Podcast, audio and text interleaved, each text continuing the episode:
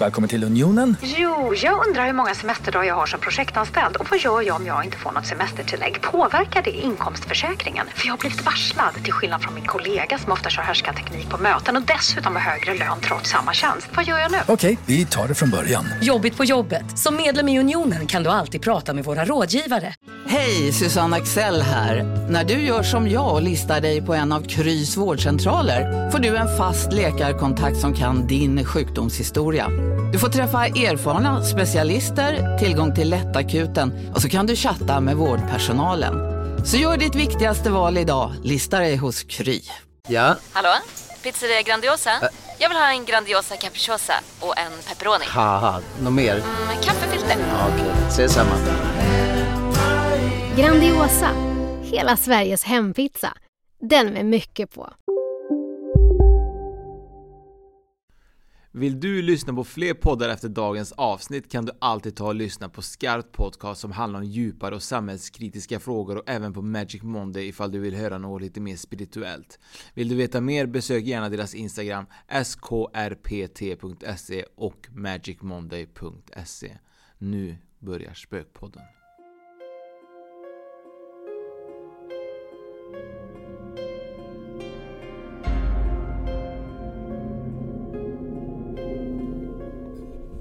Det har varit en eh, tuffare morgon för mig idag Fredrik. Det har det definitivt varit. På vilket sätt då? Jag är alltid sen nu för tiden. Ja, de sista gångerna har det blivit lite ett par minuter hit eller dit kanske.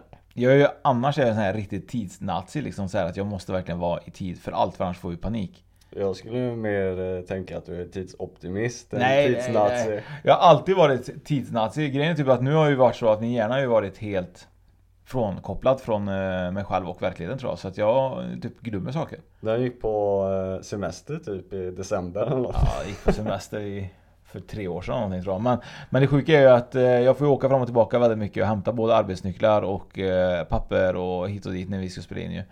Så att jag måste bättra mig. Ja, det, det sparar ju dig lite tid och lite onödig stress kanske. Och lite bränsle. Bränsle framförallt. det är ju grymt. Eh, idag har vi ju samlats, eller det som en pastor ju, men idag har vi ju eh, träffats för att vi ska ju prata lite grann om eh, reinkarnation. Säger, man, säger jag det rätt Fredrik? Ja, det tror jag. Reinkarnation. Reinkarnation. Det här är lite svårt ju.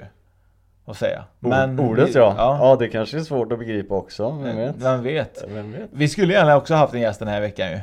Men Ja. eh, vi får ju skjuta upp gästen till nästa vecka. Vi får göra det. Ibland händer det saker som man inte kan eh, rå över och eh, så är det. Så att, eh, men, men det här är ju superspännande ämnen ändå så att det spelar inte så jättestor roll tänker jag. Nej, och eh, det här är lite kul för att eh, jag har märkt av att det är väldigt många som har eh, faktiskt skickat meddelanden till oss på eh, sociala medier om det nya avsnittet eh, som går på Netflix som heter Surviving Death ju. Och eh, vi fick lite inspiration och pratade lite grann om ett av de avsnitten som, eh, som är med där. Och det jag tror det är sista avsnittet som handlar om tidigare liv. Ja det är näst sista avsnittet. Näst sista tror jag Ja. kanske. Men eh, tror jag, eller ja. Eh, Det är ett avsnitt. Det är ett avsnitt i alla fall. Och, för er som inte har sett serien är jag absolut att rekommendera. Det är ju lite allt möjligt om folk som har haft eh, en nära döden upplevelse. Som det börjar med, lite spännande.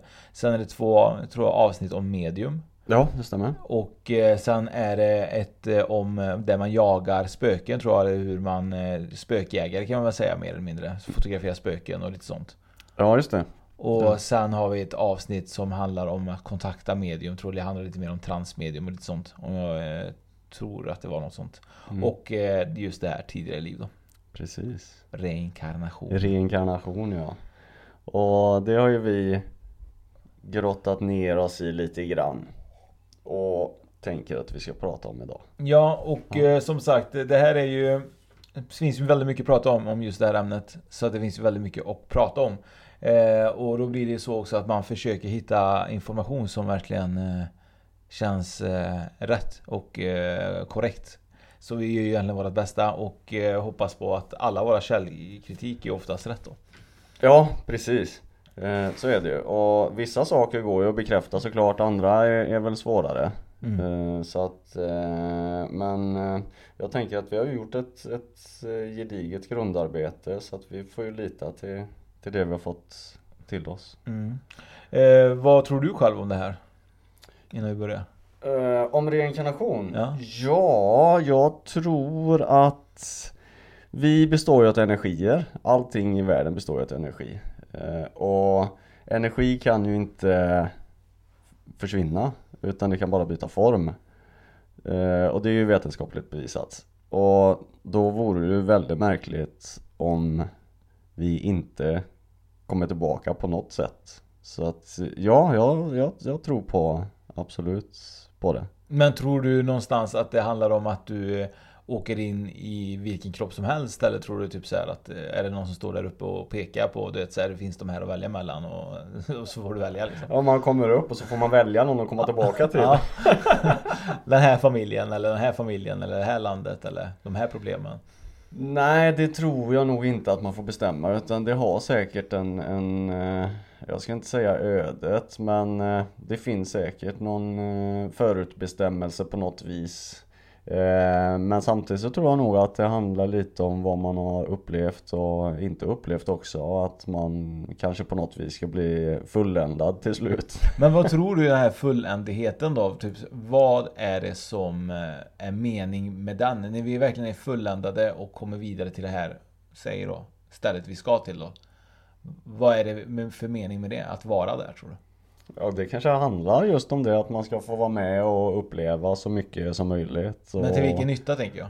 Har du tänkt på det någon vad, vad är det för nytta egentligen? Nej det har jag inte. Men då kanske man eh, använder all den kunskapen från alla sina tidigare liv för att förmedla den neråt eh, tillbaka eller något sånt så att man, man... Är det inte lättare bara typ så att eh, reda alla problem där uppe istället för att skicka folk till olika ställen? Känns lite som arbetsförmedling ju.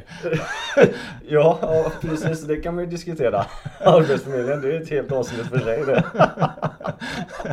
och dött och sitter i väntrummet för att skriva in dig.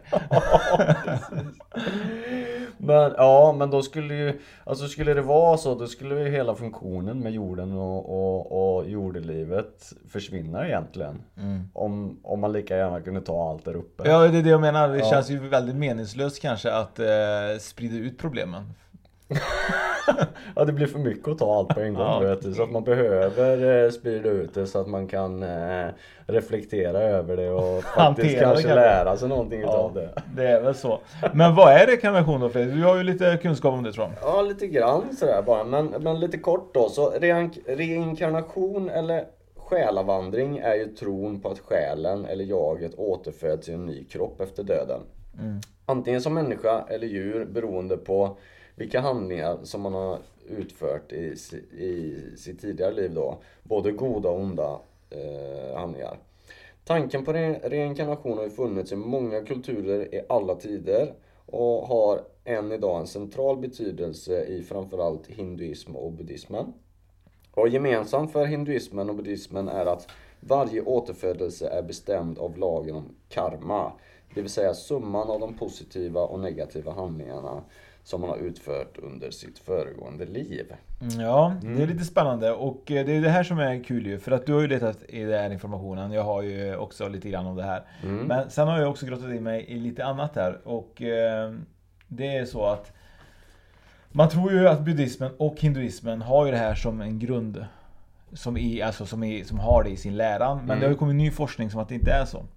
Och det är lite intressant och det tänkte jag vi kan prata om lite grann också sen. Eh, men eh, också då att, eh, att reinkarnation härstammar också från en latinsk, latinsk term som betyder verkligen att komma in i köttet igen. Och det är det här som forskningen har visat att det är inte alls det som buddhismen eller hinduismen verkligen menar. Så det är lite intressant ju. Ja. Men det kan vi prata om lite strax ju. Men det som också är intressant är ju att om man är kristen så tror man ju inte egentligen på det här. Nej, det, det gör man väl inte, vad, vad jag har förstått också. Uh... För där tror man ju mer på att det är ju egentligen eh, en uppståndelse mm. Att man upp, eh, typ återuppstår ju. Mm. Från mer eller mindre från det döda. Ja precis, och det gör man ju bara en gång ja. i, i himlen. Ja, precis. Ja. Och, och, det är det som är, det här är ju ganska kul för det är ju det som, som en fråga då som någon har ställt då. Kan man tro på reinkarnation om man är kristen då? Och frågan är egentligen, vad händer egentligen efter döden? Kommer den kristna till Guds rike i himlen och syran till helvetet? Finns reinkarnation i kristendomen, det vill säga att man återföds i en annan kropp fastän själen är densamma? Skulle väldigt bli glad om ni kunde svara på mina frågor. Och svaret på detta är ju egentligen att i Bibeln då, så det här är egentligen, reinkarnation kommer egentligen som du sa från själsvandring och Mm. kommer från österländska religioner och finns mycket i new age i dagens läge. Och, men i Bibeln och eh, självklart även i Koranen så, för muslimer tydligen tror inte heller på reinkarnation på samma sätt, finns inget stöd för reinkarnationstanken. Det vill säga tron att människans själ efter döden återvänder i en ny kropp till jorden som människa och djur eller växt. Människan skapas till Guds avbild. Bibeln gör klart att ingenting ges en andra chans efter döden. Vi har bara ett liv här på jorden. Så att det kan man läsa om om man vill lite mer på eh, den rike mannen i, i Lazarus i Lukas eh, heter det? Evangel- evangeliet. Eh, och eh, det är intressant ju att man inte tror att man kommer tillbaka. Ja, det är det. Och det är ju lite, om vi går tillbaka till den serien på Netflix där. Så finns det ju ett fall med där om eh, Ryan Hammond. Eh, och det kommer vi gå in lite närmare på sen kanske, men hans eh, mamma och pappa är ju djupt eh, kristna och eh, Ryans eh, pappa han, hans, eller hans farfar, så hans pappas pappa Han var ju, eh, vad heter det? Eh, präst Eh, och de tror ju såklart på sin son och, och historien bakom det. Eh, så att ja, att vara kristen och ändå tro på det, det, det kan man ju göra uppenbarligen då. Ja, vi hade ju varit Vi la ju ut på Instagram där man om fråga, ställde frågan ju om man kunde tro på det och då Mm. fick vi svar av en, eh, en, en person på Facebook där hon berättade att hon var ju kristen. Mm. Men hon trodde ju ändå på detta ju. Så att eh, det är ju självklart tror jag att eh, allting moderniseras också och man börjar lära sig att tro på saker vid sidan om sin kanske religion vanligtvis också. Så det, jag tror inte att alla som är kristna kanske är superstrikta i dagens läge. De har nog lite De kan nog ta sig ut svängarna lite. Ja, och sen så tror jag också det handlar ju mycket om att det är ju svårt att tro på sånt som man inte är med om själv kanske. Speciellt om det är, eh, nu handlar om reinkarnation då, det är ju det är ju något väldigt speciellt och alla får inte uppleva eller vara med om det i en, en nära relation. Och det är väl kanske därför som, som man blir mer öppen om det och idag med sociala medier och sånt där så, så pratas det mer om det. Och det var också från, från den här serien på Netflix så pratade de ju det om, det finns ju en, en ett institut i, i USA som heter PODS tror jag det för, förkortas. Så där eh, forskar man ju på reinkarnation och, och sådana fallstudier. Och då har man ju varit borta i Indien och Asien mycket. För där, där pratar man om det för det ingår i deras tro på ett sätt eh, som det inte gör då i kristendomen. Och då blir det ju, det blir ju lättare att, att hitta fallstudier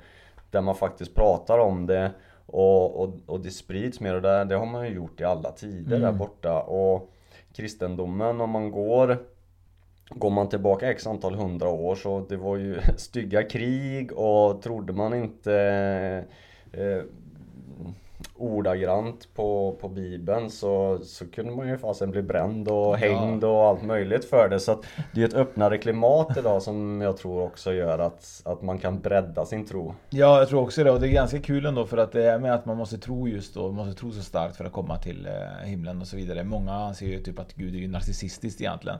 Och, och det är ganska kul i det här, finns ju ett, det finns ett avsnitt, finns en serie som heter Little eh, Working Miracles, tror jag heter. Little, work, Little Miracles tror jag heter, någon sån här. Och det är Steve Buscemi och så är det han, eh, han Ratcliffe från, eh, som spelar Harry Potter ju. Och där handlar det om, det här är superkul ändå, det handlar om egentligen om att Gud är trött på sitt arbete. Han har jobbat så hårt med typ att få folk att tro på honom.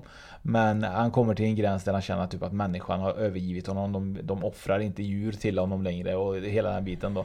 Så eh, han hjälp, vägrar att hjälpa till då att utföra liksom goda arbeten på jorden. Så det händer någonting och då är det en tjej då som, eh, som kommit över till andra sidan som vill eh, typ, ja men du måste verkligen hjälpa, det har varit en stor katastrof. Du måste verkligen hjälpa jorden, du vet så här. Och han får en jättebra briljant idé. Han blir ja, det måste jag verkligen göra för han är trött på jorden. Så han ska egentligen Han skulle gärna få den och utrotas istället. Så han är så trött på den. Så, så det är lite kul ändå det här med, med, med religion. För den har ju verkligen har ju ändrats. Vi, tänker, vi, vi jobbar ju inte. Vi, vi offrar ju inte djur längre och vi gör ju inte de här grejerna som kanske man skulle göra förr i tiden. Så att eh, frågan är om någon egentligen kommer vidare. Om man tror på kristendomen i dagens läge. Ja, det kan man ju fråga sig. Så finns nog många ritualer vi inte följer. Men eh, vi pratar om religioner och andra eh, religioner som tror på, på det här med eh, reinkarnation då. Så har jag hittat några som jag egentligen inte alltid, alltid hört talas om. Men det finns någon religion, jag vet inte om det är hur stor den är. Men eh, det är ju antroposofi, heter de. Mm. Och eh, det kommer från den grekiska människan och Sofia, vishet. Är en gren av teosofin som grundades 1930 av en krets personer kring den österrike filosofen och historikern Rudolf Steiner. Sedan, den, sedan, det, sedan har den brutit ut med teosofiska samfundet och grundat antroposofiska sällskapet. Eh, och eh, de tror också på reinkarnation.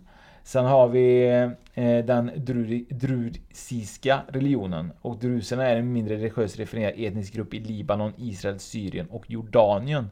Och det här är ju egentligen ett, ett, någonting vi pratade om innan. Det finns ju faktiskt en, en tidigare livhändelse med en pojke Och eh, de är ju drusiska. De kommer från, eh, från eh, Israel. Mm. Som vi har lite att prata om. Ja. Egypterna hade ju också detta. Egyptisk religion hinduismen som, eh, som vi pratade om innan och då kommer vi även eh, hitta lite annat där. Eh, New Age är väldigt, eh, väldigt mycket taget från mycket olika. Och sen har vi scientologerna och scientologerna är ju verkligen några som vi har varit i kontakt med tidigare som vi gärna träffar i Malmö men de är inte så lätta alltid att komma in och prata med. Men de tror ju att också på reinkarnation. Och sen har vi någon som inte jag känner till alls som heter Vicka. Och det är en nyhednisk eh, naturinriktad religiös rörelse skapad 1950.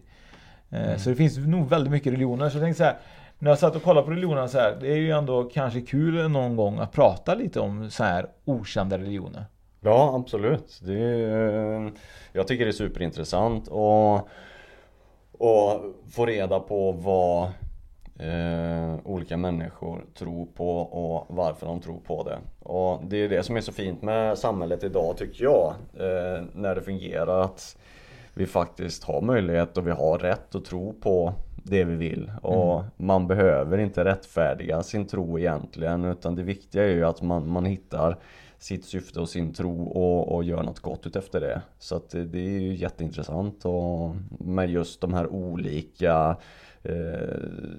jag ska inte säga att de är små, det är kanske taskigt att säga men, men om man jämför då med, med kristendom och, och hinduism och, och, islam och sådär så är det ju de här stora trossamfunden egentligen mm. och, och då blir de ju mindre såklart.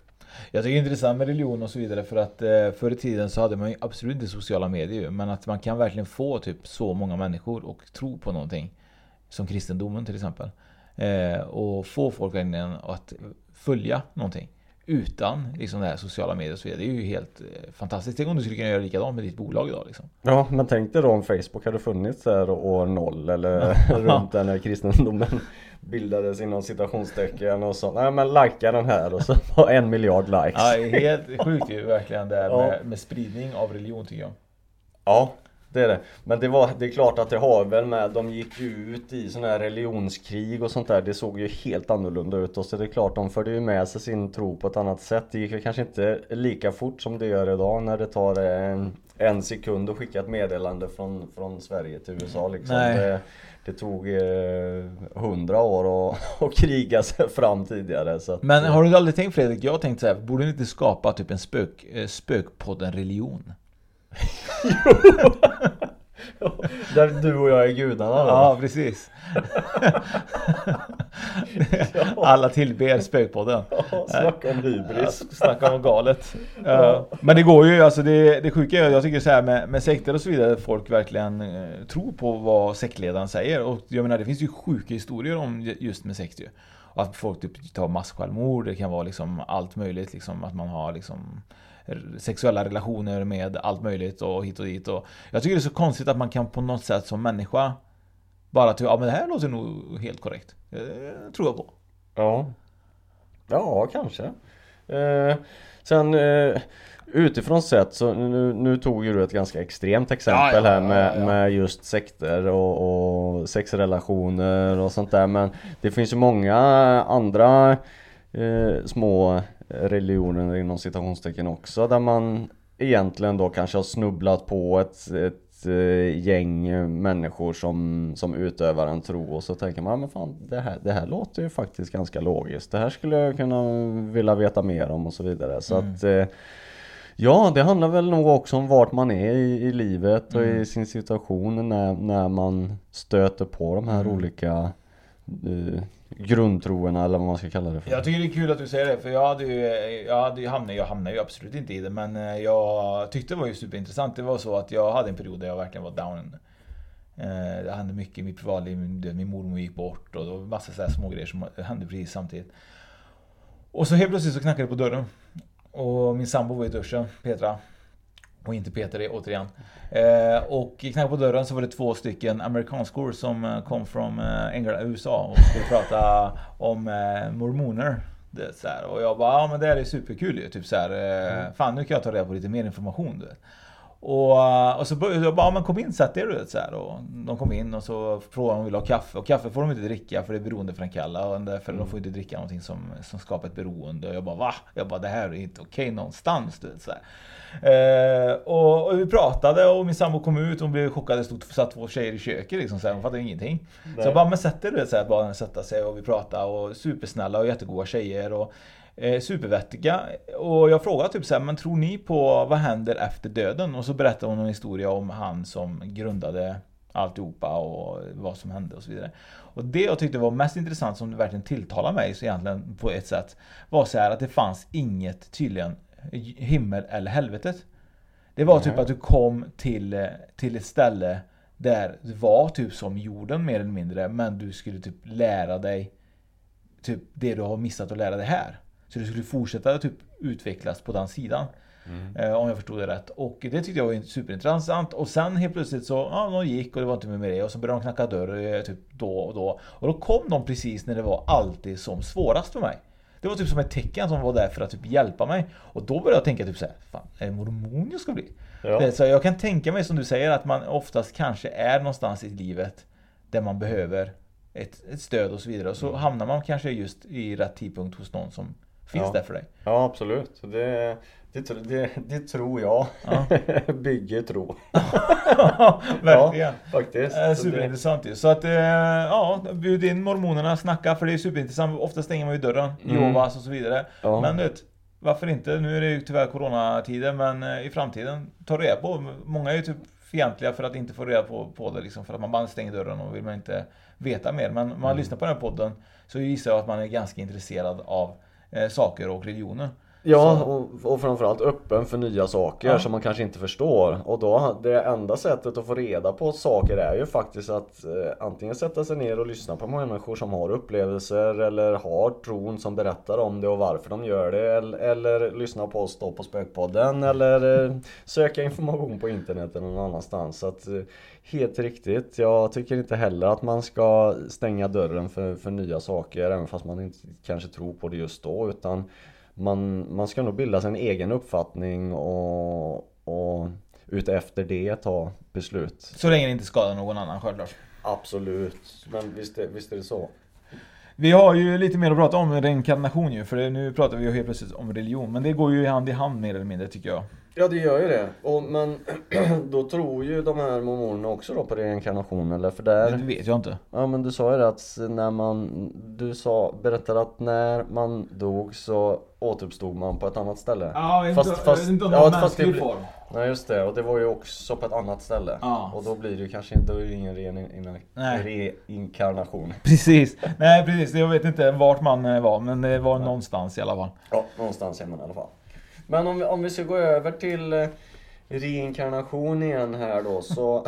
Gillar hur du säger rekarnation. Ja, exakt. ja. Ni förstår. Ja, så eh, ska jag ta lite om vuxnas minnen från tidigare liv och sen så lite på barn som minns tidigare liv. Eh, bara för att be, bena upp i begreppen lite grann och så kanske vi kan gå över på några fall efter det eller vad tänker du? Ja precis och då ska jag även ta fram eh, min, eh, min lilla forskning där också. Mm, det får du göra. Men då är det så här att sedan mer än 100 år finns det många exempel på att vuxna personer har upplevelser av vad som verkar vara ett föregående liv. Eh, dels under drömmar och mardrömmar, via spontana minnesbilder, déjà vu, medial kommunikation, clairvoyance samt under inflytande av hallucinogena droger, till exempel LSD. Eh, vid sjukdom, psykoterapi och meditation eller samband med någon form av livskris. Vidare så uppträder sådana minnen inte minst vid hypnotisk regression till tidigare liv. Men det är få fall som är grundligt undersökta och utförligt rapporterade. Och i inget av dem har den förra personlighetens identitet kunnat verifieras egentligen. Med ett eller annat undantag såklart. Eh, och vid en jämförelse med barns minnen från föregående liv är ju bevisvärdet hos vuxna som upplever det eh, av ett ganska begränsat värde. Eh, och det är därför man eh, bortser från de här fallen för att eh, vuxna har ju möjlighet att leta upp information på eh, på internet eller vad som helst och det är ju det som är begränsat med, med barn då. De har ju inte den möjligheten att söka information som, som vi vuxna har. Så att om vi går över på barn då som minns tidigare liv. Eh, så uppvisar ju de ett antal olika kännetecken. Eh, och det är påståenden, identifikationer, beteenden och ja, födelsemärken eh, slash medfödda missbildningar. Så det är det man delar upp det lite grann då. Eh, så vi ska gå in på påståenden då, eller minnesbilder. Och i flertalet fall handlar det om barn i 2-4 års åldern som under några år spontant identifierar sig med en avliden person och som ofta har en oförklarlig kunskap om förhållanden i dennes liv. Inte sällan förefaller barnen minnas ett tidigare liv i samma familj eller släkt. Eller så är det aktuella familjerna vänner eller bekanta. Sådana fall kallas för relationsfall. Eh, om familjerna inte känner varandra rör det sig om främlingsfall. Ibland går det inte att finna någon person som motsvarar barnets uppgifter och fallet förblir då olöst. Sådana fall liknar i de flesta avseenden lösta fall, det vill säga när det är ställt utom allt rimligt tvivel vilken avliden person barnet identifierat sig med.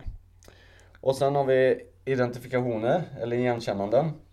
Och det är ju när barnen träffar anhöriga till eh, de förmodade tidigare personerna eh, som, som man känner igen då. Detsamma gäller föremål och platser som var välbekanta för den personligheten som, som har gått bort då, eller den som man identifiera sig med. Det är dock sällsynt att sådana igenkännanden görs under tillförlitliga betingelser, eller kon kontrollerade identifikationer då. Och det har därför endast en begränsad trovärdighet. Ett undantag är dock spontana identifikationer, till exempel när ett barn med slump möter en till synes vilt främmande människa eh, och kan identifiera henne spontant och uttrycker kanske en stor glädje över att träffa honom eller henne. Och det finns även åtskilliga och trovärdiga exempel på att barn utan någon hjälp visat vägen till den förra personlighetens hem till exempel. Och så har vi beteenden.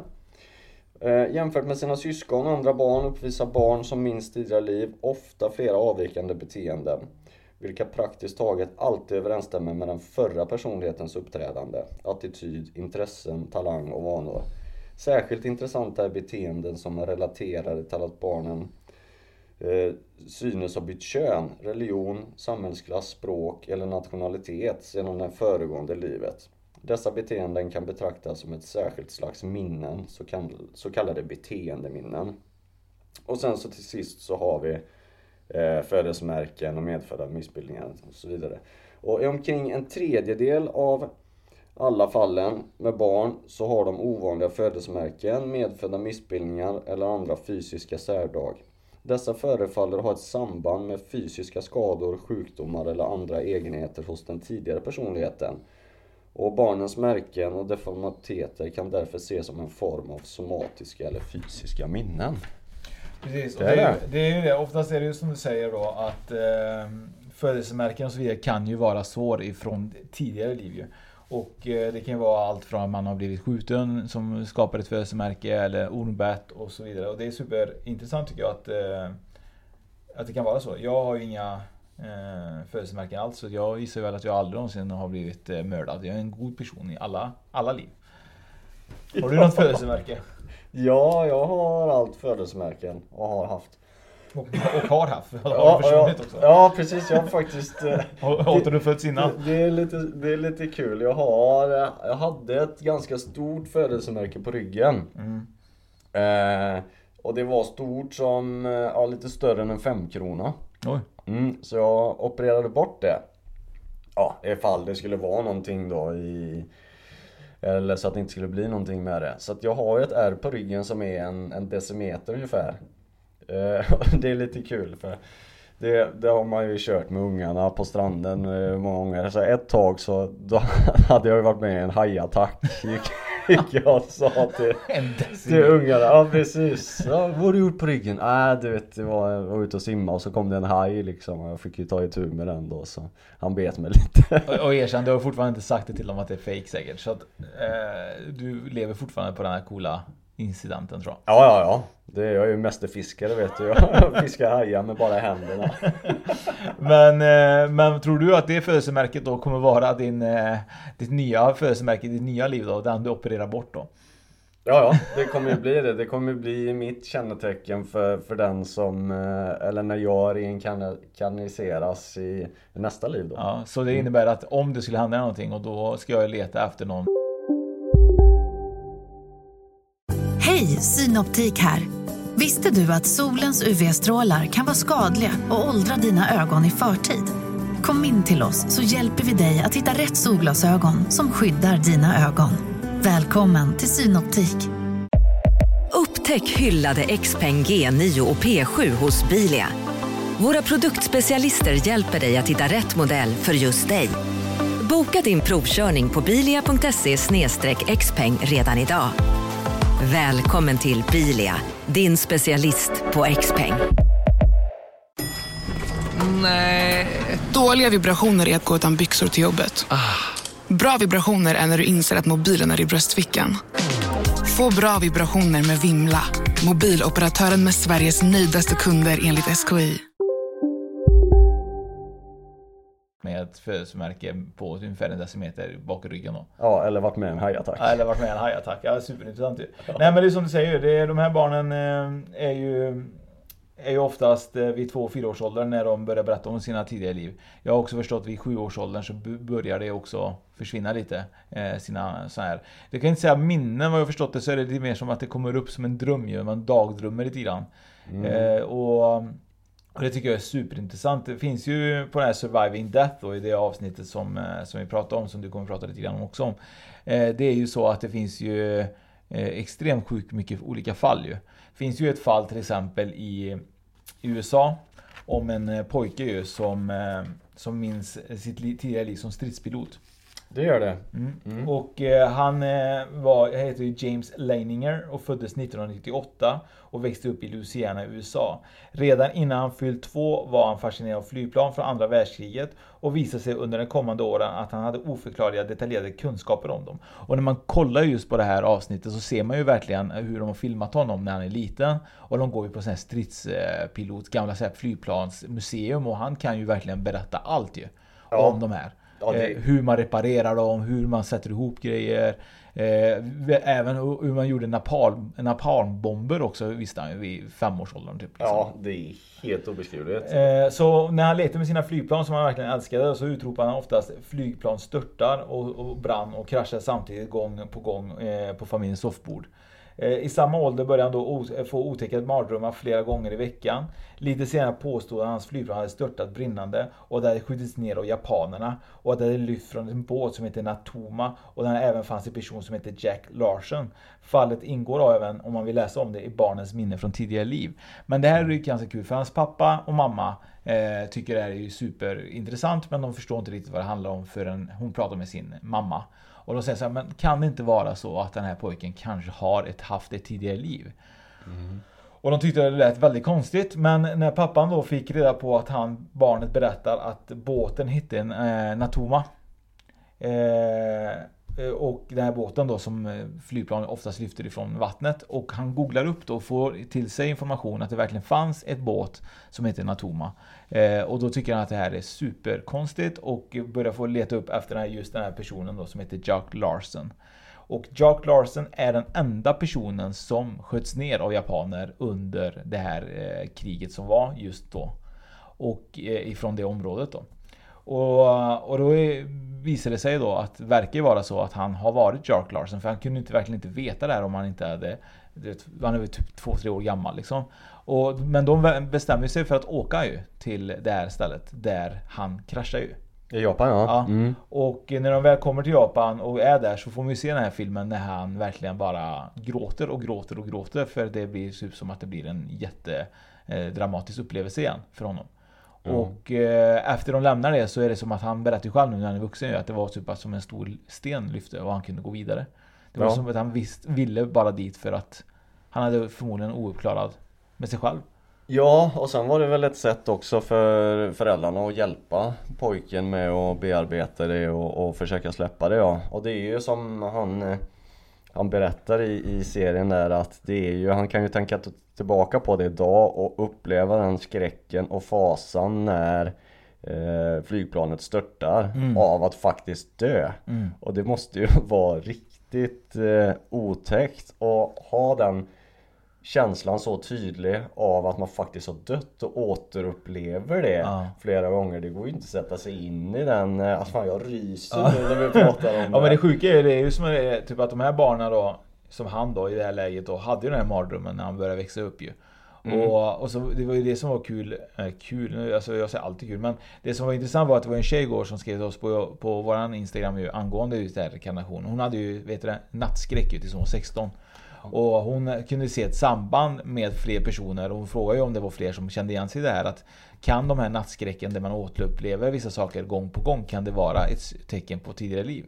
Ja det skulle kunna vara det, för det är ju också något som kommer upp att det är ju i de här efterforskningarna kring eh, framförallt barn då med, med sådana här tidigare livminnen så är det ju, nu har jag ingen procentsats på det men det är ju ett förbluffande antal många som just lider utav nattskräck och mm. alla våra fall som vi har gått in och tittat i, nu har vi valt ut några ut, eh, för podden som vi lyfter upp lite extra men jag har inte stött på ett enda fall där barnet inte har lidit utav nattskräck. Nej. Så att eh, det, det skulle man väl kunna säga att det har en, en att det kan vara en gemensam tråd mm. ja. Och har man haft det så då kanske man kan vara ännu säkrare på att, att det faktiskt är så då. Det finns ju väldigt mycket eh, om eh, vetenskapligt studier om just det här barn med tidigare liv och eh, någon som har dykt upp väldigt mycket i våran research, i alla fall för mig, så är det faktiskt någon som är en psykiatriker, professor då, som heter Ian Stevenson och han dog 2007 då. Men han, gjorde, han tog i alla fall mer än 2000 fall från runt om i världen som, som skulle bekräfta om om det fanns eller inte och kunde verkligen avgöra om det var bullshit eller om det kan varit så att det var sant ju. Mm. Eh, det som är intressant var ju också i det här Surviving Death ju, nu ska vi kanske inte spoila för mycket men eh, det finns ju även en, en psykiatriker där ju som, eh, som träffar de här barnen. Ja. Och ger uppföljning tills de är vuxna ju. Ja han gör ju det. Och han var ju, han följde ju även han då som Jack den tredje som du pratade om just ja, då, eller han, han, han, som var reinkarnerad Ja, Jack för han signerade ju sina teckningar också, Jack den tredje ja. Och han var ju egentligen Jack den tredje i de, eh, i de här papperna ju, för att ja, det fanns fler Jack ju. Ja, Absolut. Eh, Så det är superintressant ju. Eh, Men du hade ju också några andra barn tror jag va, som hade te- levt tidigare liv. Du hade ju mm. en annan kille som heter Ryan Hammonds va? Ja det har jag, och han det, det är ju lite lustigt också för det, jag gjorde ju jag såg ju på den här serien i, så sent som igår kväll faktiskt. Och då kom ju han Ryan Hammonds upp i serien. Jag visste ju inte att han var med där. Nej, och då kul. hade jag ju tagit fram researchen på det här. Så att, eh, du snackade om att vi inte skulle spoila för mycket men eh, Nej, vi, spoila. vi spoilar. Ja. Så jag tänker att jag ska läsa lite om Ryan Hammonds här då. Och han föddes i juli 2004 i Oklahoma. Och hans mamma hette Cindy och hon jobbade som kontorist och hans pappa hette Kevin och han var polis. Och båda eh, föräldrarna hade en uttalat kristen tro och Cindy hade en nära anknytning till baptisterna och Kevins far var präst. Ingen av dem trodde egentligen på re reinkarnation och Ryan hade besvär med förstorade polyper som påverkade hans hörsel vilket medförde att han efter behandling fick gå i talterapi och inte kunde uttala hela meningar för han var fyra år. Och omkring ett år senare började han säga att han ville åka hem till Hollywood och bad gråtande sin mor att låta honom få åka dit så att han kunde få träffa sin andra familj. Den som han hade haft när han var stor. Men det var först några månader senare när han började få otäcka mardrömmar som föräldrarna tog hans uppgifter på allvar. Han vaknade skrikande upp och tog sig för bröstet. Han grät och sa att han inte kunde andas och att hans hjärta hade exploderat i Hollywood. Och vid andra tillfällen så handlar mardrömmarna om en Senator 5. Och föräldrarna var ju bestörta över de här intensiva drömmarna då. Där är vi tillbaka till den här nattskräcken egentligen. Han hade ju också det. Och de visste ju inte vad de skulle ta sig till. Och modern hon eh, led av konstant eh, sömnbrist. Eh, för pappan han jobbade ju nattskift och mamman fick ju vara vaken då med, med sonen. Och det är klart hon var orolig eftersom han inte kunde sova, hade den här nattskräcken. Så hon konsulterade familjens läkare. Och där fick hon endast ett besked att mardrömmarna skulle gå över med tiden. Och det är ju kul att höra också när, när barnet inte kan sova är superledsen på nätterna. Så, men i alla fall så en kväll när hon stoppade om sin pojk Ryan så tog han plötsligt tag i hennes hand och sa Mamma, jag tror att jag förr var någon annan. Han berättade sedan för henne att han hade ett stort vitt hus, en swimmingpool i Hollywood och att det fanns tre pojkar vars namn han inte kunde komma ihåg riktigt. Sen började han gråta och fråga sin mamma om och om igen varför han inte kunde minnas deras namn. Han oroade sig också för vad det var som hade hänt med dem. En annan gång var han så rädd att få mardrömmar igen att han inte ville sova. Han grät i en halvtimme och upprepade gång på gång att han hade en sådan hemlängtan. Ryan sa också att han var stort, att han var stort förut men att han nu var liten. Vilket han hatade eftersom han inte kunde göra som han ville. Eh, modern blev chockad över hans påståenden, särskilt som hon var, som han var så upprörd och påstridlig Till en början så talade Ryan bara med sin mamma om sina minnesbilder och hon berättade inte om dem för någon annan, inte ens för sin make. Ibland kunde det gå flera veckor utan att Ryan sa något alls om sina sitt tidigare liv, men sedan kunde hon tala om det i tre, fyra dagar på rad. Och särskilt på kvällarna efter att han hade badat och var avslappnad. Enligt mamman så blev han en helt annan person. Han var allvarlig, talade som en vuxen och verkade ha en vuxens persons ordförråd. För att efteråt bli ett barn igen. Ibland utlöste yttre stimulans hans minnesbilder, till exempel musik och dofter. Så småningom så började Cindy, mamman alltså då, läsa om reinkarnation på internet.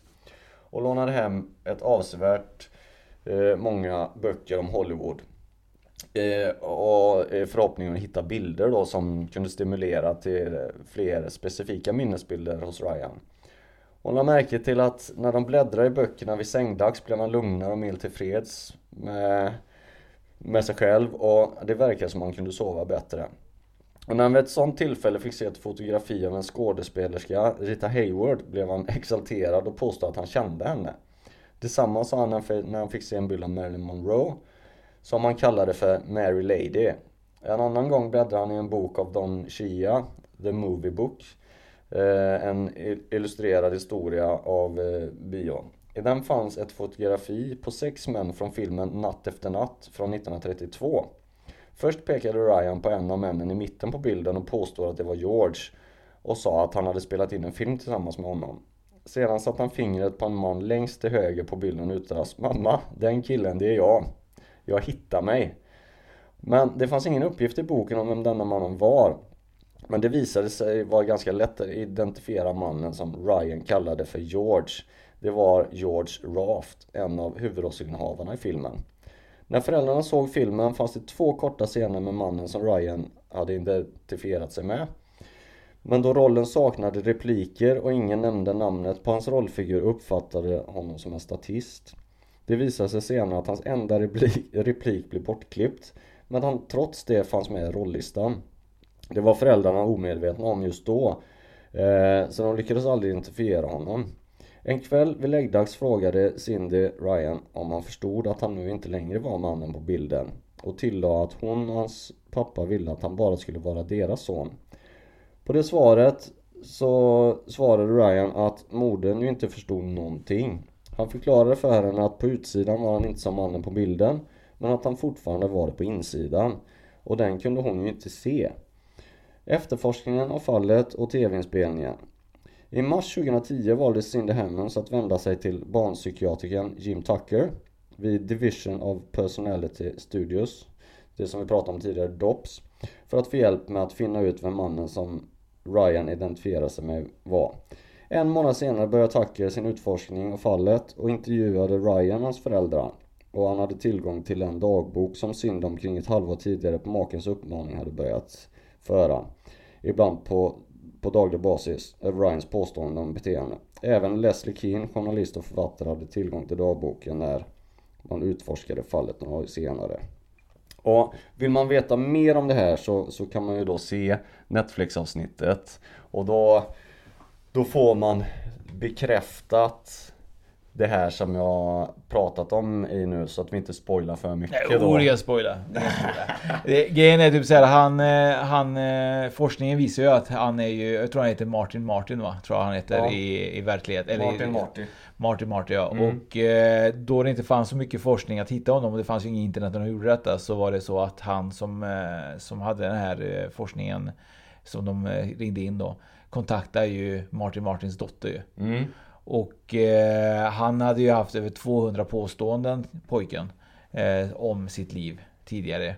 Som hon ska bekräfta om det stämde eller inte. Och eh, han har ju bekräftat saker som hon hade fel på. Hon hade ju sagt nej, visade sig efteråt. Och det visade sig att han hade ju rätt. Och det var ju allt från att hon hade fått en hund när hon var sex år gammal. Hon hatade verkligen hunden. Det kommer hon ju ihåg ju. Det kommer jag ihåg. Ja, och men sen var det någon syster som fanns med som inte hon visste. Och, och så vidare. och en Så att- grön bil Ja, en grön bil som han hade ägt. Och, eh, allting visade sig att han hade haft jättemycket rätt om Martin Martin. Ja, Eh, precis som dottern inte visste men tog reda på sen Ja. och att det faktiskt var sant. Ja. Och det är ju Snacka om att få bevis. Ja, det är sjukt ju. Ja. Hon sa det också typ såhär, det är inte va- varje dag att det ringer en sexåring och påstår att det är, att det är din pappa ju. Nej.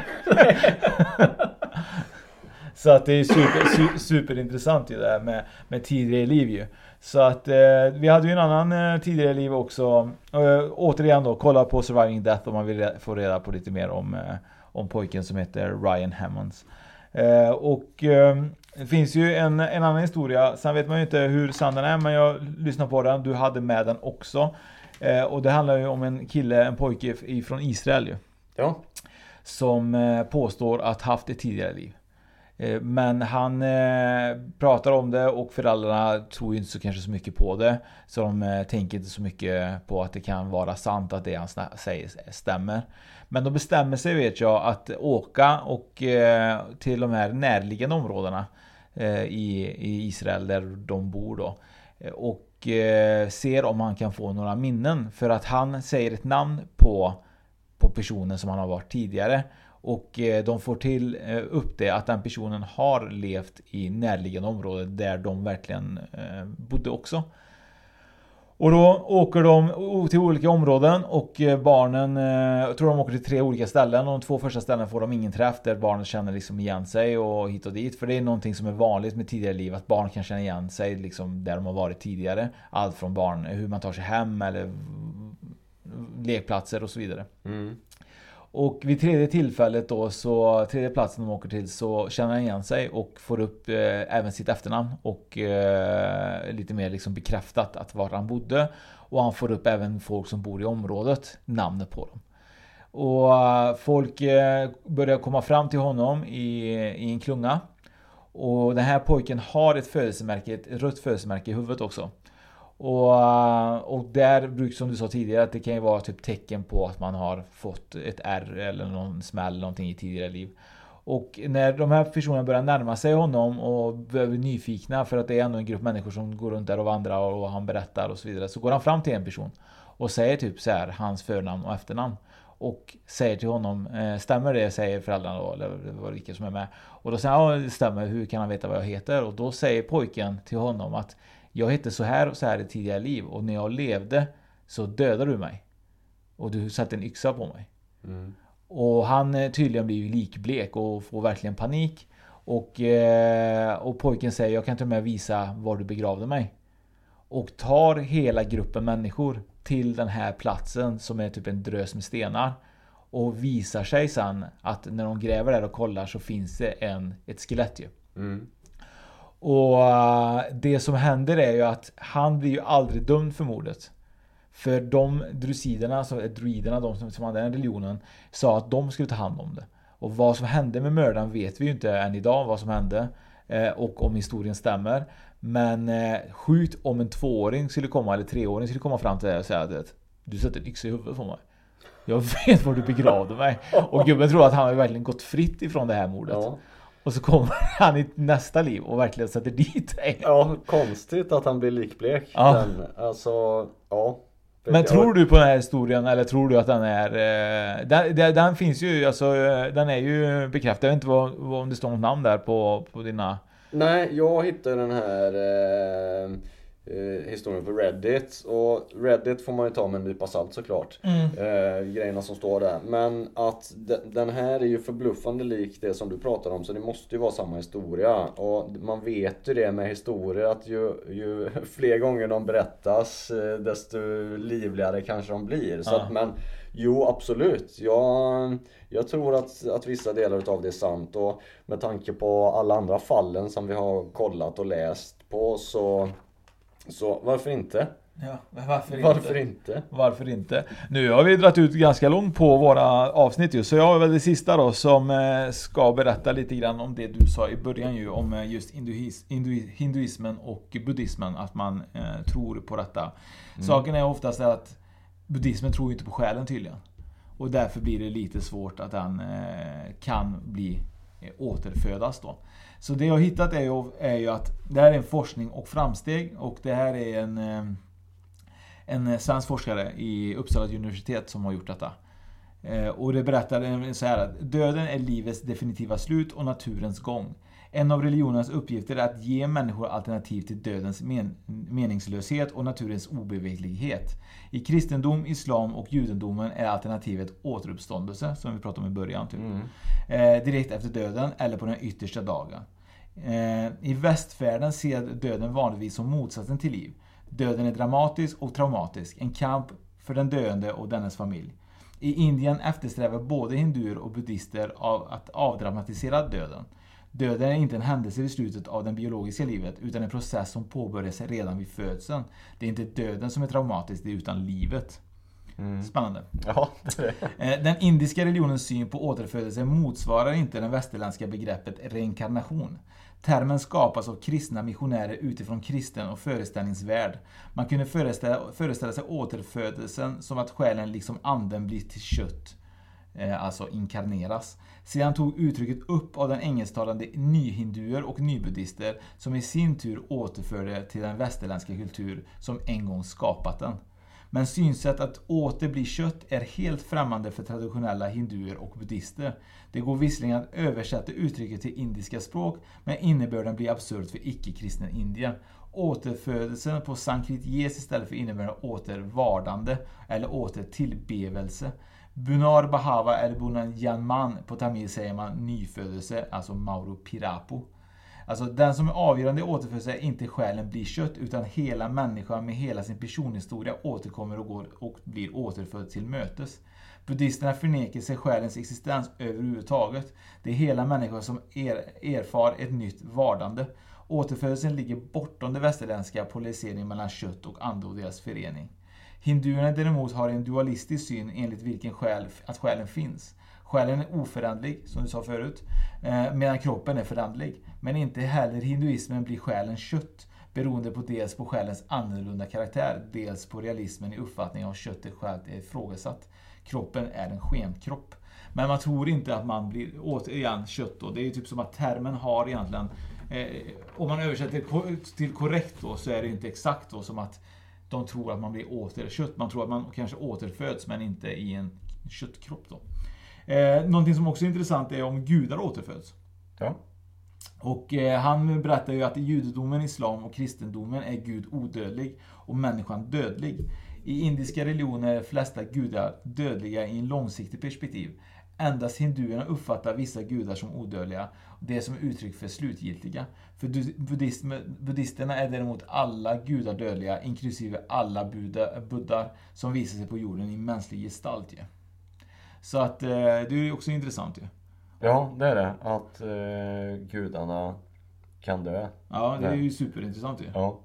Så Men- att... Eh, Men och det är ju också vad, vad lägger man i ordet gud? Eller alltså vad, Mm. vad, det är lite intressant vad, vad man lägger i bemärkelserna. Jag eh, hade ju uppfattningen av att en gud inte kunde dö. Nej. Och att det var därför den var en gud. ja, precis. Men... Eh, Odödlig gud. ja, ja precis. Så att, eh, nej det är super, superintressant. Det finns någonting som han har skrivit som heter Övergången eh, som vi kan eh, prata in lite grann. Eh, det finns ju olika uppfattningar om hur övergången sker mellan två existensformer. Vad händer vid döden? Finns det en övergångsstadium mellan död och återfödelse? Hur sker övergången? För de som tror på omedelbar återfödelse är det särskilt viktigt att den sista tanken hos den döende har en gott, ett gott innehåll. Tankarna ger en antydan om att fortsätta ödet och efterlevnaden utför speciella riter runt den döde. Särskilt inom tibetanska, tibetanska kanske heter, buddhismen antar man att det finns ett mellantillstånd efter döden och fram till återfödelsen. Då kan levande personer stå i kontakt med dödens ande och ge råd om hur denna ska uppföra sig för att uppnå nästa existens eller kanske till och med befrias från att återfödas. Men tibetanska buddister, liksom alla buddister, förnekar att det finns en själ i form av oföränderlig från lidande skild enhet. Buddhismen i alla dess former är lära om icke-själen, medan hinduismen är lära om själen i olika former. Så det är lite kul ändå att hinduismen är verkligen läran om själen i olika former, men buddhismen är formen och läran om icke-själen ju. Ja, Det är verkligen helt två olika saker. ja det... Eh, och eh, vad återföds om det inte finns någon själ som är bärare? Av egenskaperna från existens till en annan. Vi måste överge tanken på att döden är ett brott av existensen. Det finns inga brott, utan bara övergångar. Det som rör sig från existens till existens är endast skiftande uppenbarelseformer av samma varelse. Ungefär som när barn genomgår olika åldersstadier och blir åldrig. När en stickling blir ett träd och när mjölk blir ost. Om vi tänker åldersringar i ett träd som återfödelse ser vi båda kontinuiteten och förändring hos trädstammen. Vi ser dock inga brott vid tillkomsten av födelse. Ehm, och det tycker jag är superkul att kunna se det på det sättet. Eh, och eh, tillkomsten av nya födelser, åldersringar och framförallt ingen oföränderlighet av egenskap. Eh, bland annat västerlänningar har tillskrivit av indiska själsbegreppet. Eh, Alla existensformer är föränderliga och därför kan det inte finnas någon själ i dem enligt buddhismen. Det finns dock ett definitivt brott när åldersringar återfödes, bildas, trädet fälls.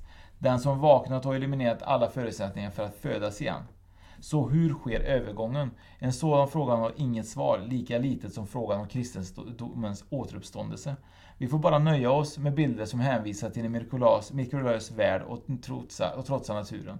Religionen hämtar i regel sin kraft i det faktum att den är absurd. Lite intressant tycker jag. Ja, väldigt intressant. Så att det är lite kul ändå att... Eh, det, vi kommer ju aldrig få svar på det här. Nej, inte i detta livet. Nej. Och någonting som man alltid pratar om oftast är att även om forskning inte kan bevisa att det verkligen är så, så betyder det inte att det inte är så. Nej, absolut inte. Det finns ju otroligt mycket saker som, som är och som man har upplevt men som man kanske inte kan bevisa på ett teoretiskt sätt. Mm. Och det är ju det som gör att det är så himla intressant, intressant också tycker jag. Mm. Men, ja, för, ska, du och jag, hade inte vi möjlighet att göra någon sån här själsresa eller? eh, Jo, det finns ju Rita Borenstein uppe i, i Stockholmsområdet ju, som vi hade varit med tidigare ju, som, eh, som har, är en, en av 200 av den här Newton eh, hypnoterapi utbildade. Mm. Och där går du ut vidare till ditt tidiga eh, dödsögonblick. Ja. Och eh, där får du reda på vad som händer mellan världarna om man säger så. Vad händer med själen efter dödsögonblicket i tidigare liv? Och vad händer typ fram tills du kommer hit? Varför kommer du tillbaka? Mm. Så det är ju en process på ungefär 3-5 timmar som man ska Mm. göra i hypnoterapi. Och eh, det är väl förhoppningsvis något vi ska göra men eh, nu är det ju coronatider så det är lite svårt. Det är ju det. Så att, men det ser jag fram emot. Att eh, få möjligheten att uppleva det. Det är alltså stadiet mellan det att jag har gått bort och det att jag ska återfödas då. Mm. Och min uppgift idag då egentligen. Eller uppgiften eller Mm. Mm. Med, med mitt liv som jag lever idag. Vad, vad, vad, vad få en mening på det då. Mm, men nu har du fått en mening. Det var ju spökpodden. Det var allt det handlade om. Typ Ja, det. jo, jo. Så att eh, jag kommer egentligen inte behöva göra det. Jag har ju hittat min plats på jorden. Ja, men, eh, precis. Så nu vet du. Det som, var ju spökpodden. Som spökpodden Gud. det, det, det var meningen med hela existensen. När de sa att när du stod där uppe verkligen du vet, och på väg ner så sa de så här. Du vet att det enda du har att göra nu det är verkligen spökpodden. Det, det kommer inte ske förrän du är 45. Spökpodden, spökpodden. För jag lever 45 meningslösa år fram tills idag. Ja fast ja, inte helt meningslösa. Jag har ju för, jag har ändå haft eh, 45 extra år att förbereda mig inför det här. Ja, det är sant, att det är sant. Det är klart. eh, Det är sant. Det är sant. Sen om de räknas eller inte får vi se. Nej. Men det var superintressant att prata om det här ju. Ja det har det. Definitivt. Det, det, vi skulle ju kunna prata ett par timmar till om reinkarnation och flera fall till och, och massa sånt. Men någonst- någonstans måste vi avsluta. Ja, och har man eh, lite mer eh, Lite mer att säga till oss angående kanske om eh, feedback eller om man vill till exempel eh, ge oss ett ämne att prata om som vi kanske kan grotta oss lite mer om och prata om i, i något avsnitt så får man gärna skriva till oss. Ja, eller om man har eh, kanske egna minnen av en reinkarnation, att man eh, har varit med om detta själv. Eh, antingen personligen eller man kanske har ett barn som, som har det så får man jättegärna höra av sig och, och berätta för oss om det. Ja, och ni finner oss på spokpodden.se på Instagram och Spökpodden på Facebook. finns en som heter Spokresor men den eh, är vår första Facebook och den kan man följer man den så går man över till Spökpodden. Eh, vi har ju även Patreon om man vill bidra. Vi har fått eh, några stycken som har eh, bidragit med, med lite pengar, med 10 kronor tror jag per månad och det hjälper oss för våra framtida resor. Eh, så det får man jättegärna göra om man vill. Och eh, vill man eh, veta mer så kan man gå in på vår hemsida som heter spökpodden.se och även newkindoff.se som är eh, våra New Kind of Weekend event som kommer komma inför 2021.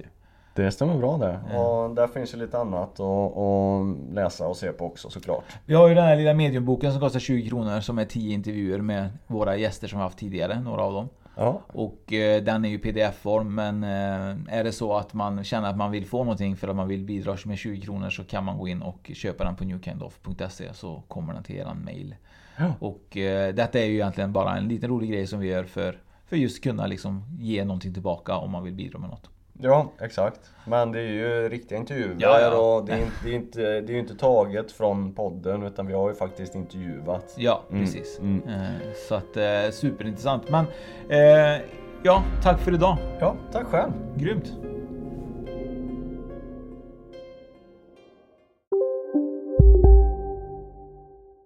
Nu ska du få höra från butikscheferna i våra 200 varuhus i Norden. Samtidigt. Hej! Tack. Jo, för att med så många varuhus kan vi köpa kvalitetsvaror i jättevolymer. Det blir billigare så. Byggmax. Var smart. Handla billigt. Finns det något bättre än riktigt gott färskmalet kaffe på morgonen? Det skulle väl vara en McToast med rökt skinka och smältost. Och nu får du båda för bara 30 kronor. Välkommen till McDonalds. Du, åker på ekonomin. Har han träffat någon? Han ser så happy ut. Var det onsdag? Det är nog Ikea. Har du dejtat någon där eller? Han säger att han bara äter. Ja, det är ju nice alltså. Missa inte att onsdagar är happy days på IKEA. Fram till 31 maj äter du som är eller blir IKEA Family-medlem alla varmrätter till halva priset. Välkommen till IKEA.